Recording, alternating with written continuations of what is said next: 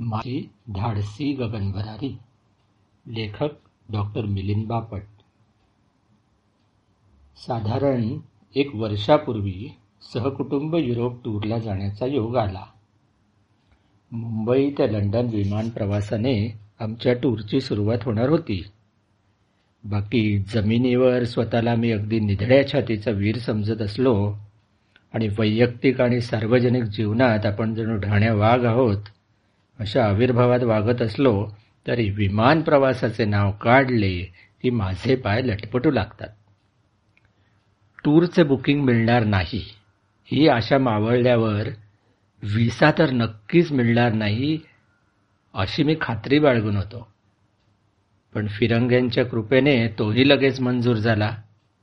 हा लांब पल्ल्याचा विमान प्रवास अपरिहार्य असल्यामुळे आता आपले कसे होणार? याची चिंता मला सतावू लागली.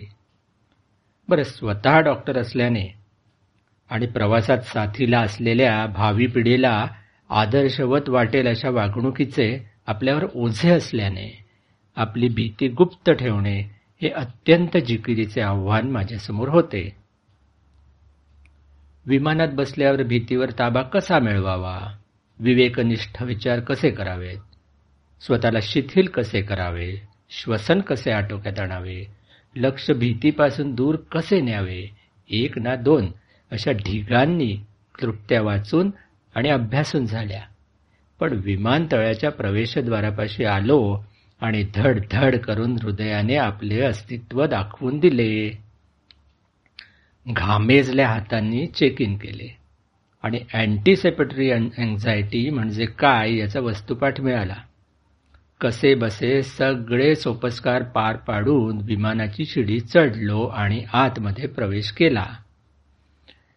केबिन आणि चालक दलाच्या साऱ्या स्त्री पुरुष सदस्यांनी अगदी अदबीने केलेल्या भल्या मोठ्या हास्याला मी प्रयत्नपूर्वक कसे नुसे हसून उत्तर दिले आणि पॅसेजमध्ये शिरलो. आमची आसने विमानाच्या मध्यावर होती. किमान पाच मिनिटांची तरी पायपीट नक्कीच होती. त्यात एक जास्त सारण भरलेल्या करंजीसारखी फुगलेली बॅग आणि जिची सहज दोन तिकिटे फाडावीत एवढ्या शरीराची एक बाई. अशा पॅसेजमध्ये अडकल्या आणि आम्ही पंधरा मिनिटांनी आमच्या आरक्षित स्थानी पोचलो मध्यमवर्गीय मानसिकतेप्रमाणे आसनांचे क्रमांक पुन्हा पुन्हा खात्री करून घेतले. सामानासाठी डोक्यावरचे फ्लॅप्स उघडले. तर अगोदरच तेथे अनेक बॅगा विसावल्या होत्या. कशा बशा दोन बॅगा तेथे राहिल्या. इतर बॅगा जमतील लोकांच्या डोक्यावरील स्लॉटमध्ये जागा डुंडाळून ठेवल्या. तरीही एक बॅग ठेवायला जागा कमी पडत होती. एका कुणाच्या तरी आडव्या ठेवलेल्या लॅपटॉप बॅगला उभे केले आणि तयार झालेल्या बॅगेत मी माझी बॅग घुसवली. ते उघड्यात मागून फरड्या ब्रिटिश ॲक्सेंटमध्ये आवाज आला don't move by bag general डायरचा एखादा खापर पण तू माझ्यावर परंपरागत राग काढतोय की काय? असा विचार करून मी मागे वळलो. पाहतो तर काय? पंचवीशीच्या एका भारतीय तरुणाचा राग मी ओढवून घेतल्याचे कळले. मूव साईड असे म्हणत त्याने माझी बॅग माझ्या हातात दिली आणि स्वतःची लॅपटॉप बॅग पुन्हा सरळ करून फ्लॅप बंद केला. मी माझं आवडीचं माघार घेण्याचं काम केलं. आपला हा अपमान आसपासच्या स्त्रीवर्गाच्या लक्षात तर आला नाही ना याची मी आसपास नजर फिरवून खात्री करून घेतली आणि माझी बॅग माझ्या आसनाखाली ठेवली. आसनस्थ झालो आणि अजून फारशी भीती वाटत नाहीये हे स्वतःला लक्षात आणून दिलं. ही भयकंपित होण्यापूर्वीची शांतता तर नाही ना असा एक नकारात्मक विचार मात्र नको नको म्हणत असतानाही मनात डोकावलाच. काही अत्यंत बिझी माणसे अजूनही धावत पळत विमानात येतच होती. पार्लरमध्ये मनसोक्त दिवस घालवल्याने उशिरा पोहोचलेली एक गौरांगना धडपडत पॅसेजवेमध्ये घुसली. आपली बॅग ठेवण्यासाठी आमच्या डोक्यावरच्या सामान ठेवण्याच्या फ्लॅप्स उघडून खुडबुड करू लागली. पार्लरचे चार सहा तास सत्कारणी लागल्याचे अगदी उघडच दिसत होतं हो. केसांचे विविध रंगांनी केलेले इंद्रधनुष्य भुवया पापण्या डोळे गाल ओठ अगदी सगळीकडे वारे माप रंगरंगोटी करून हिच्या ब्युटिशियनने निसर्गदत्त रंगाचे समूळ उच्चाटन केले होते. हे सारे केवढ्याच झालं असेल असा हिशोब मी मनात मांडतोय तेवढ्यात जे काही घडले ते पाहून आश्चर्य संताप अचंभा क्रोध मत्सर हेवा अशा अनेक भावनांचा एकदम उद्रेक होऊ लागला आणि त्या भावना दाबण्याची पराकाष्ठा करता करता माझे भीतीचे भाव मात्र कुठेच लुप्त झाले.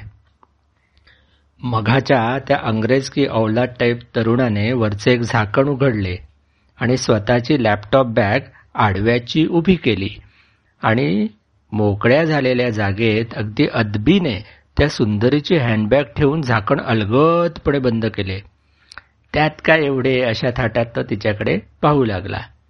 अपेक्षेप्रमाणे आता ते त्याच्याकडे कृतज्ञतापूर्वक तिरपा कटाक्ष टाकणार आणि त्यावर थोड्या पापण्यांच्या हालचाली आणि मानेच्या झटक्याची फोडणी देणार आणि तो तरुण आणि जवळच्या चार रांगा घायाळ होणार अशी त्याच्याप्रमाणेच मलाही खात्री वाटली. वर्षानुवर्ष ध्यानधारणा करून मानसोपचार घेऊन भक्तिमार्ग अनुसरूनही जो व्यक्तिमत्व बदल लोकांना जमत नाही तो केवळ एका स्त्री दर्शनाने साध्य झाल्याचे पाहून स्त्री शक्तीवरील माझा विश्वास वृद्धिंगत झाला. पण ज्या मादक कटाक्षासाठी तो उत्सुक होता तो तर दूरच पण साधे थँक्यूही न म्हणता ती आधुनिक मदनिका त्याच्याकडे पाठ फिरवून आपल्या जागी जाऊन बसली. माझ्या आसपासच्या सगळ्या बायकांनी आपापल्या नवऱ्यांकडे त्यांचे घरगुती तिरपे कटाक्ष टाकून हुश्य केल्याचे माझ्या लक्षात आले. प्रवाशांच्या सहानुभूतीपूर्वक नजरा झेलीत तो तरुण आपल्या स्थानी जाऊन बसला. मोबाईल वापरण्याचे निमित्त करून त्या आडून अधेमध्ये तिच्याकडे मोठ्या आशेने पाहत असताना मी त्याला पकडले. मलाही त्याची कीव आली. आपण एकदा म्हणा म्हणावे पलट आणि तिने झटक्यात मान फिरवून त्याला नजर द्यावी असेही मला वाटले. त्याची व माझीही अपेक्षापूर्ती नशिबात नव्हती. बऱ्याच वेळापासून न जाणवलेली भीतीची भावना आता जागृत होऊ लागली होती.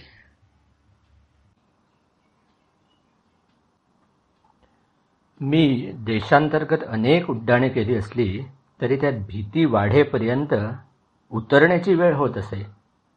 यावेळी मात्र आंतरराष्ट्रीय म्हणजे भीती वाटायला आणि त्यावर मी सखोड वाचन करून अभ्यासलेल्या क्लुप्त्या वापरायला मनसोक्त वेळ होता. विमानाचे इंजिन सुरू झाले लवकरच विमान वेग पकडू लागले. आता लवकरच आपला धरणी मातेशी असलेला संबंध तुटणार आणि आपलं आयुष्य हे पायलटची कार्यक्षमता त्याचे व्यक्तिगत जीवनातील प्रश्न त्याची मानसिक स्थिती कंट्रोल रूम संदेशवहन यंत्रणा उपग्रह हवामान विमानाच्या रेषेत उडणारे पक्षी व इतर विमाने. झालेच तर गल्लोगल्ली फोफावलेल्या अतिरेकी संघटना. बर्म्युडा त्रिकोणासारख्या अतर्क्य गोष्टी विमानाचे इंजिन आणि इतर अवयवांची परिस्थिती अशा असंख्य गोष्टीवर अवलंबून असणार हे लक्षात आलं. मी दोर कापले आहेत आता जिंकू किंवा मरू हा तानाजी पडल्यानंतरचा सूर्याजीचा डायलॉग आठवला आणि मनाचा हिया केला. कितीही निग्रह केला तरी सुधीर मोघ्यांनी म्हटल्याप्रमाणे मन गरगर ते आवर्त मन रान भूल मन चकवा हेच खरं. विमानाने हवेत झेप घेतल्यानंतर हातांना दरदरून घाम फुटला आणि छातीत धडधड होऊ लागली. पटकन उजव्या हाताने मी बायकोचा हात धरला. चार पाच मिनिटात धडधड थोडी कमी झाली. एक मोठा श्वास घेतला. आणि अचानक मला लक्षात आले की बायको तर आपल्या डावीकडे बसली आहे. उजव्या हातात पकडलेला तो मऊ मुलायम हात मी क्षणार्धात सोडला. हो. तेव्हा मी टू नसले म्हणून काय झाले? मी एक सज्जन माणूस असल्याचे माझ्या ओळखीतील सगळ्यांचेच मत होते. त्या बिचाऱ्या बाईने मला इतका वेळ हात धरू दिला होता. अगदी न झिडकारता आणि हिडीस फिडीस न करता. I am sorry I apologise असं वाक्य जुळवत मी उजवीकडे वळलो आणि दिलगिरी व्यक्त केली. पोनी बांधलेल्या कानात प्रत्येकी तीन रिंगा घातलेल्या निळ्या डोळ्यांच्या त्या स्त्रीची त्वचा इतकी तलम होती की चेहऱ्याच्या आठ ते दहा निळसर रक्तवाहिन्या स्पष्ट दिसत होत्या. वेळ प्रसंगी हव्या तेवढ्या आयव्ही लाईन्स हिला लावताना आपल्याला जराही त्रास पडणार नाही असा एक डॉक्टरी विचारही माझ्या मनात आला. त्यात तिने लाजून अशी काही मान वेळावली की माझा हार्ट रेट एकदम वाढला. मात्र लक्ष तिच्या हनुवटीकडे गेले आणि तिच्या गौरवर्णामुळे पटकन नजरेस न आलेली तांबूस रंगाची बोकड दाढी मला आता दिसली. आणि ती स्त्री नसून एक स्त्री वैशिष्ट्ययुक्त पुरुष आहे हे अंतिम आणि तितकेच कटू सत्य मला थोबाडीत मारल्यासारखे दिसू लागले. आता माझ्या सगळ्या अंगाला दरदरून घाम फुटला. या सगळ्या गडबडीत विमानाची भीती लुप्त झाली खरी. पण त्या इस्माच्या लाजण्या मुरकण्याचे मात्र टेन्शन येऊ लागले. परदेशातील स्त्री पुरुष समानतेबद्दल ऐकले होते पण शारीरिक समानतेचा असा एक वेगळाच धडा खुर्चीत बसल्या बसल्या घेत मी शक्य होईल तेवढ्या डावीकडे सरकलो. एव्हाना विमानाने चांगलीच उंची गाठली होती आणि ते स्थिरावू लागलं होतं. पण हवाई सुंदर्या मात्र आता अस्थिर होऊ लागल्या होत्या. काहीतरी खाऊ पिऊ घालायची तयारी सुरू झाली. विमानाच्या डोक्याकडून एक आणि शेपटाकडून एक अशा दोन फूट ट्रॉलीज घेऊन हवाई सुंदर्या येऊ लागल्या. इंग्रजीत इयर टू इयर म्हणतात असं हास्य एका सेकंदाला द्यायचं आणि लगेच ते आवरते घेऊन प्रवाशाशी बोलायचे. पुन्हा पुरुषाची तेच. एकूण प्रवासी चारशे धरले तर हे असं मिथ्या हास्य किती वेळा करावं लागत असेल? याचा महिन्याचा हिशोब मी मांडू लागलो. आणि त्याला बाराने गुणून वर्षाचा हिशोब काढणार तोच. How do do sir what can I serve you लाल कपड्यातील नखशिखांत आंग्लभाषिक दिसणारी एक ललना मला चर्ती झाली. आलिका पंचायत. आपले it is a cat that is a rat वले इंग्लिश हिच्या पचनी पडेल का? संभाषण टाळण्याचा उत्तम उपाय म्हणजे इतर प्रवाशांच्या प्लेटमध्ये पाहायचे आणि तेच पदार्थ मागवायचे. पण मला पास्ता मॅकॅरोनी स्पगेटी यातला फरक आणि मफिन आणि केक यातला फरक पाहूनही कळत नसल्यामुळे तीही गोची झाली. बायकोला अर्थातच मला मदत करण्याची आयती संधी सोडायची नव्हती. नवऱ्याला फार विचार करू न देता त्याच्यासाठी खाण्यापिण्याच्या आणि परिधान करण्याच्या वस्तू परस्पर ठरवून पुन्हा त्या नवऱ्याला आवडल्याच पाहिजेत असा अट्टाहास केवळ लग्नाची बायकोच करू जाणे. मी एका प्रवाशाकडे टोमॅटो ज्यूस पाहिला आणि लगेच ऑर्डर दिली.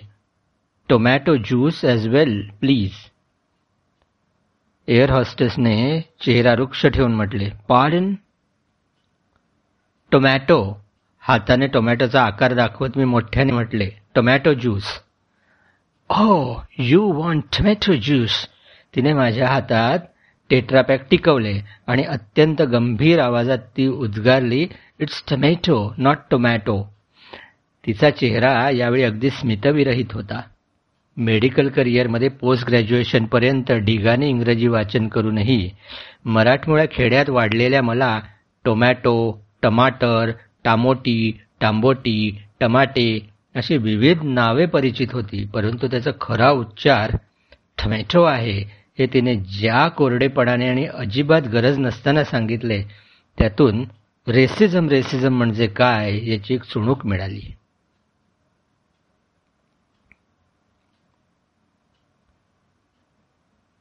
ट्रॉल्यांनी मार्ग अडवलेला असतानाच एक दोन जणांना नैसर्गिक विधीची आठवण झाली. हॉस्टेसनी त्यांच्या विनंतीला भीक न घालता त्यांना दामटवून पुन्हा जागेवर बसवले. विसर्जन विधी जरी सृष्टी नियमाने करावेच लागत असले तरी अडवणूक झाली की ते जरा जास्तच जोरात साथ घालतात हेच खरं. मीही त्याला अपवाद नव्हतो. आता मला खरी लागली त्याहीपेक्षा अर्जंट लागल्यासारखे वाटू लागले. आणि घाम आणि धडधडीने पुन्हा आपले अस्तित्व दाखवून दिले. पण हवाई सुंदर्यांना विनंती करून अपमान करून घेण्यापेक्षा आपल्या स्वयंचलित आणि ऐच्छिक स्फिंक्टरवर भरोसा ठेवण्याचा मी निर्णय घेतला. हवाई सुंदर्यामध्येच काहीतरी वस्तू विकू लागल्या. कुत्र्याच्या गळ्यात घालण्याचा डिझायनर पट्टा बुटांना लावायचे चमचम करणारे एलईडी दिवे मेमरी कार्ड्स फोनच्या ॲक्सेसरीज डोळ्यांना झाकून थंडावा देणारे आयपॅड सदृश्य आईस पॅक अशा अनेक असंबद्ध गोष्टी हसून हसून प्रवाशांच्या माथी मारत होत्या. वस्तूंच्या किमती पाहून तर माझे डोळेच फिरले. विमान तीस हजार फुटांवरून उडत असेल तर तीस गुणिले जमिनीवरची किंमत असा एकंदर हिशोब मला लागला असो. माझा एक मित्र विमान कंपनीत मेडिकल पॅनलवर आहे. सततच्या खोट्या हसण्याने केबिन स्टाफचे रायझोरियस आणि डिप्रेसर अँग्युलाय ऑरिस नावाचे चेहऱ्याचे स्नायू कसे आकुंचित होतात आणि क्रॉनिक किंवा दीर्घकालीन गालदुखी कशी जडते यावर त्याचे आंतरराष्ट्रीय प्रकाशनांमध्ये प्रबंध प्रकाशित झाले आहेत हे तो मोठ्या अभिमानाने सगळीकडे सांगत असतो. या गालदुखीवर विविध प्रकारचे मसाज करण्यात तो पारंगत आहे. वरून त्याबद्दल त्याला बक्कळ पैसेही मिळतात. हे कळल्यावर मला माझ्या जुलाबुलटी प्रॅक्टिसची फारच लाज वाटली होती. असो एकदाच्या ट्रॉल्या पार्किंगमध्ये गेल्या आणि मी टॉयलेटच्या दिशेने धाव घेतली पण माझी सीट विमानाच्या मध्यावर होती. त्यामुळे मी पोचेपर्यंत चार जण अगोदरच रांगेत उभे होते आणि एका नशीबवान प्रवाशाने आपला कार्यक्रम बहुधा चालूही केला होता. मी मोठा होईपर्यंत विमान फक्त गच्चीवरून पाहिले होते. त्यात बसायचा योग लग्नानंतर आला. लहानपणापासूनच भीती वाटे की विमानात लोकांनी विसर्जित केलेला माल आपल्या डोक्यावर तर पडणार नाही ना? असो तर रांगेत पहिल्या क्रमांकावर एक ब्रिटिश बाई उभी होती. आपल्यावर दीडशे वर्षे राज्य केलेल्या माणसांचे वंशज आपल्याबरोबरच चाळीच्या संडासासमोर असते तशी रांग लावून उभे आहेत हे पाहून माझ्या मनाला गुदगुल्या झाल्या. तिचे कान आतून येणारा प्रत्येक आवाज टिपत होते आणि आतील माणसाच्या प्रगतीवर लक्ष ठेवून होते हे कळायला मला वेळ लागला नाही. रेल्वे स्टेशनच्या संडासात कुणी दोन मिनिटांहून जास्त वेळ घात घालवला तरी बाहेरचे लोक दरवाजा ठोठावतात आणि वरून चल भज्या टलना बंद कर और बाहेर निकल असले विनोदी डायलॉग्स मारतात. इथे विमानात मात्र सगळं अगदी सुसंस्कृत. आतल्या माणसाचा चुकून डोळा जरी लागला तरी कुणी दार वाजवत नाही हो. रांगेत एक गुजराती इसम भेटला. परदेशात त्याच्या मालकीची चार मोटेल्स आहेत असे त्याने न विचारताच सांगितले. प्रत्येक भारत भेटीनंतर परत जाताना एखादे गरीब दाम्पत्य स्वतःबरोबर विदेशात नेतो व त्यांना कसे मोटेल्समध्ये हाऊसकीपिंगला ठेवतो आणि त्यामुळे त्या कुटुंबास कसा रोजगार मिळतो हेही त्याने आवर्जून सांगितले. भारतीय लोकांना कसे नीट सरकार निवडता येत नाही म्हणून देश अधोगतीला लागला आहे तसेच गुजरात कसा बाकीच्या प्रांतांपेक्षा प्रगत आहे आणि गेल्या पंधरावीस वर्षाच्या एक हाती शासनामुळे लोकांचे राहणीमान कसे अत्युच्च झाले आहे हेही त्याने ऐकवले. मला राहावे ना म्हणून मी अखेर विचारले. पण मी ऐकून आहे की गुजरातेत एवढी अफाट प्रगती झालेली दिसते. गरीब कुटुंब पाहायलाही मिळत नाही. आणि मग तुम्ही प्रत्येक फेरीत हे जे गरीब दाम्पत्य नेता ते शोधण्यासाठी तुम्हाला किती कष्ट पडत असतील नाही? या माझ्या प्रश्नावर त्याने आपला पडलेला चेहरा दूर फिरवला आणि तोही आतल्या आवाजावर लक्ष केंद्रित करू लागला. बाकी तिरकस प्रश्न विचारायचे आणि समोरचा गारद झाला की असुरे आनंदाची ढेकर द्यायची. हा तर माझा बालपणापासूनचा छंद. माझा कार्यक्रमही एकदाचा आटोपला. यानंतर माझ्या लक्षात आले की आता आपली धडधड आटोक्यात आहे आणि कितीतरी वेळात आपल्याला भीती वाटल्याचे जाणवलेले नाही. मी पुन्हा आसनस्थ झालो आणि निद्रा देवीच्या अधीन झालो. जाग आली तेव्हा विमानात गजबजाट होता. आता लंडन फार दूर नाही हे माझ्या लक्षात आले. केबिन स्टाफच्या चेहऱ्यावरील आस्था आणि हास्याचे भाव जाऊन आता दडपण कमी होऊन येणारे शिथिल भाव दिसू लागले होते. त्या साऱ्या प्रवाशांना पट्टा बांधण्याचा आणि सीट सरळ करण्याच्या सूचना देत होत्या. माझा पट्टा मात्र अगोदरच लावलेला होता.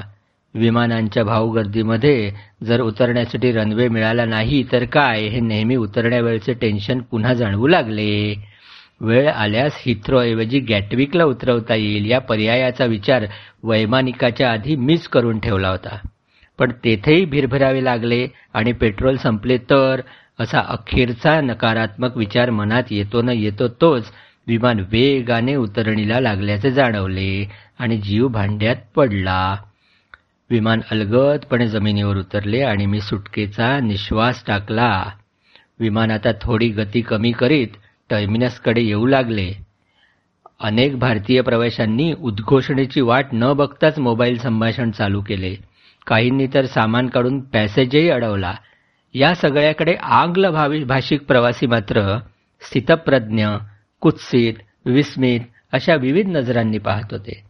त्यांचे हे कुतूहल पाहून भारतातील सगळ्या रस्त्यांवर रोज दिसणारी वाहनांची चढाओढ रेल्वेच्या टपावर आणि दरवाजात लटकण्याचे आमच्या जनतेची कसब नियमित होणाऱ्या भारत बंदच्या दिवशी रंगणारे गल्ली क्रिकेट रस्ते आणि कान बंद पाडणाऱ्या डीजेयुक्त मिरवणुका ड्राय डेच्या आदल्या दिवशी दारू दुकानासमोर दिसणारी रांग इत्यादी गोष्टी दाखवण्याचे एक theme based tourist tourist package बनवावे आणि यांची नियमित भारत दर्शन टूर आयोजित करावी असा एक स्वार्थी विचार मनाला स्पर्शून गेला. पण नेहमीप्रमाणे ऐनवेळी देशाभिमान जागृत झाला आणि प्लॅन रद्द केला. एकदाचे विमान नियोजित स्थळी थांबले. आम्ही उतरण्याच्या रांगेत उभे राहिलो. प्रवास फारसा भीतीदायक न होता बऱ्यापैकी मनोरंजक झाल्याने आता माझी छाती विधभर फुगली होती. आपणच जणू विमान चालवत भारताकडून इथे आणल्याच्या आविर्भावात मी शिडी उतरलो. बालपणापासून मला ज्याची केवळ ऐकून आणि वाचून माहिती होती त्या शेक्सपियरच्या आणि चर्चिलच्या लॉर्ड माउंट बॅटनच्या आणि क्वीन व्हिक्टोरियाच्या थॅचर आणि टेरेसमेच्या आंग्लभूमीवर माझे पाय मी रोवले धन्यवाद.